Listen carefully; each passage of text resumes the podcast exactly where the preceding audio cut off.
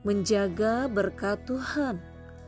Apabila dalam memerangi suatu kota, engkau lama mengepungnya untuk direbut, maka tidak boleh engkau merusakkan pohon-pohon sekelilingnya dengan mengayunkan kapak kepadanya. Buahnya boleh kau makan, tetapi batangnya janganlah kau tebang, sebab pohon yang di padang itu bukan manusia, jadi tidak patut ikut kau kepung. Hanya pohon-pohon yang engkau tahu tidak menghasilkan makanan, boleh kau rusakkan dan kau tebang untuk mendirikan pagar pengepungan terhadap kota yang berperang melawan engkau sampai kota itu jatuh. Ulangan 20 ayat 19-20 Ini adalah aturan yang nampaknya simple tetapi sebenarnya sangat bermakna dalam.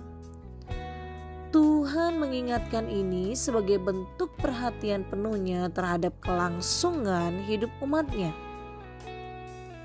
Dalam terjemahan NKJV dituliskan, sebab pohon yang di padang itu adalah makanan manusia.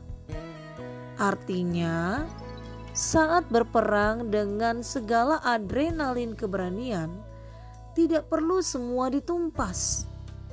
Ada bagian di mana harus sadar bahwa tidak semua dalam peperangan adalah musuh yang harus dihadapi, tetapi justru itu sebagai penopang hidup kemudian. Berapa banyak saat berperang, alat dapur atau alat lain yang dekat dalam jangkauan menjadi sasaran dan kemudian rusak, tak bisa dipakai lagi.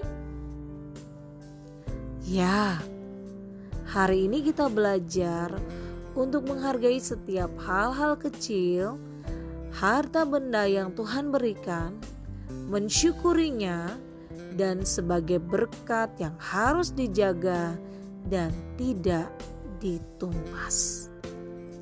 Terima kasih, Tuhan Yesus. Kami mengerti firman-Mu hari ini dan kami mau menjaga berkat Tuhan yang sudah Tuhan percayakan kepada kami. Mulai dari hal-hal yang paling sederhana dan paling murah, paling kecil, kami bersyukur di atasnya. Di dalam nama Tuhan Yesus Kristus. Amin.